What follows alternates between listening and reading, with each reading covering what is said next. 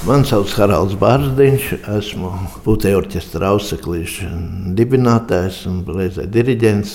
Un, godīgi sakot, tas ir viss mans darba mūžs. Vai tu zini, kā putekļu orķestrs mūsdienās nav lāga iedomājams bez tā saucamā orķestra maršēšanas un maršēšanas tāds augstākais punkts, ko es gribu nosaukt arī par mākslu, ir putekļu orķestrs spēlējot kustībā. Ir tāds saucamais klasiskais defilē, kur viss notiek stingri tādās geometriskās formās.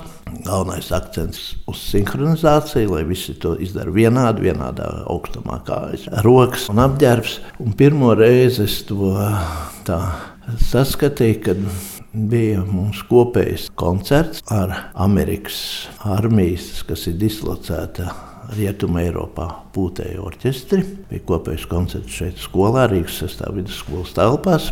Un sarunā ar diriģentiem viņi man tuvāk pastāstīja par šo kustību Amerikā.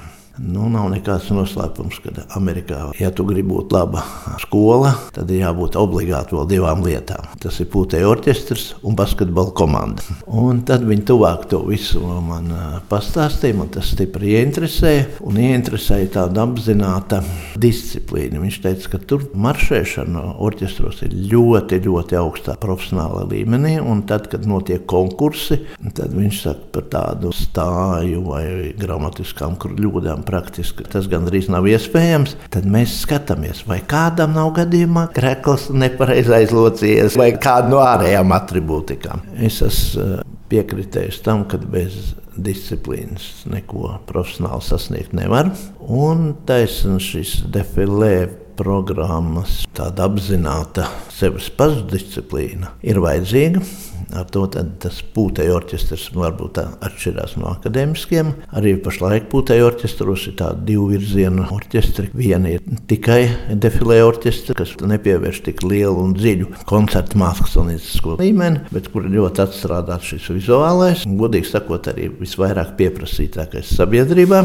Un otrs ir tāda tīra akadēmiskā muzicēšana koncertu darbībā. Kāpēc to garo ievadu stāstā? Jo neapšaubāmi savu vietu dziesmu svētku kustībā putekļu orķestri ir iekarojuši. Jau šobrīd nav iedomājams dziesmu sēdi bez viņa dalības, un to ļoti, ļoti spilgti parāda dziesmu svētku gājiens. Kad dažbrīd, kas ir ļoti, ļoti labi kolektīvi, kas strādā taisnām pie šīs koncerta programmas, nu, tā lāga uz ielas jau parādīt nevar. Jo lūk, pietrūkst šīs iemaņas, sevi noturēt stājā un staigājot muzicējot. Nu, aizsākās šī kustība mums diezgan, diezgan pasen. Ja, var teikt, pirmie iedīgļi bija, kad tās choreogrāfijas veidojām mēs paši, un tas bija Prostokā, kur bija trešā tūra, lūk, šī maršēšana pilsētā, un pēc tam defilē programma pilsētas stadionā.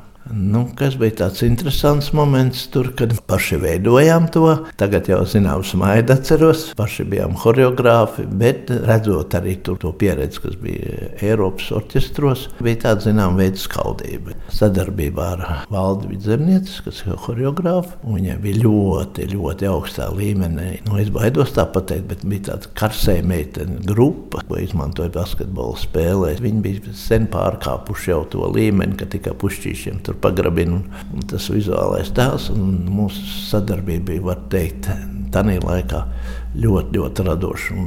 Nebaidos teikt, pat dažkārt izcili. Un tad um, jau braucam kopā koncertēt ar šo meiteņu grupu. Šobrīd, kā tas likumsakarīgi ir, izveidots daudz ģimenes un jau bērni, kā jau var teikt, spēlē orķestrī. Kas bija tas būtiskākais? Kad valda ar savām meitenēm, viņi ļoti labi apvienoja to dēļas elementu jau augstākā mērā nekā tas klasiskais defilē. Un spilgts piemērs tas bija kaut kur 80. Gada beigas, kad mūs uzaicināja uz Cigaunijas dziesmu svētkiem un gājām svētku gājienā Tallinā. Tad mums bija vislielākā problēma tas, ka pārmetam no organizatoriem, ka burtiski mūs vairs neļauj spēlēt un dejot, jo apstājās dziesmu svētku gājiens. Jo cilvēki uzreiz ieraugot to, ka tās meitenes tik ļoti attraktīvi dejoja, ejot gājienā, ka viņi vienkārši it kā aiztaisīja to ielu cietu un prasīja atkārtot vai kaut ko tam līdzīgu. Arī šeit, veidojot koncertus pat filharmonijas zālē, iestudējumi jau gribētu teikt, tā sasniedzam jau to līmeni, kas ir baleta atklāta muzika. Orķestris akadēmiski spēlēja, arī uz skatuves un meitenes to choreogrāfiju papildināja atklāto skaņdarbu. Nu, arī šobrīd ir tā, ka mēģinājuma procesos mēs mēģinām vismaz vienu reizi nedēļā strādāt ar šo defilē. Pat ne tik daudz defilē, defilē vairāk ir tāda mūsu vidējai grupai, no 6. vidusskolas audzēkņi. Tur ir pašlaik tas defilē, bet ar šo mācību gadu. Es esmu piesaistījis atkal jaunus choreogrāfus, kuri gribētu arī tos bērnus, kas nespēlē vai spēlē instrumentu, bet gribētu sev nu, realizēt, pašapliecināt sev arī idejā. Es domāju, ka tā ir viena no virzībām, ko vajadzētu attīstīt Latvijā. Jo, teikšu godīgi, sabiedrības pieprasījums ir lūk šis orķestris kustībā. Ja tu akadēmiski stāv, viņš paklausās vienu, otru, trešo skaņdarbu un iet tālāk. Tikko tev ir tā kustība, tikko tev ir dēļa un, un, un, attraktivitāte, tad ir pavisam cita atsaucība.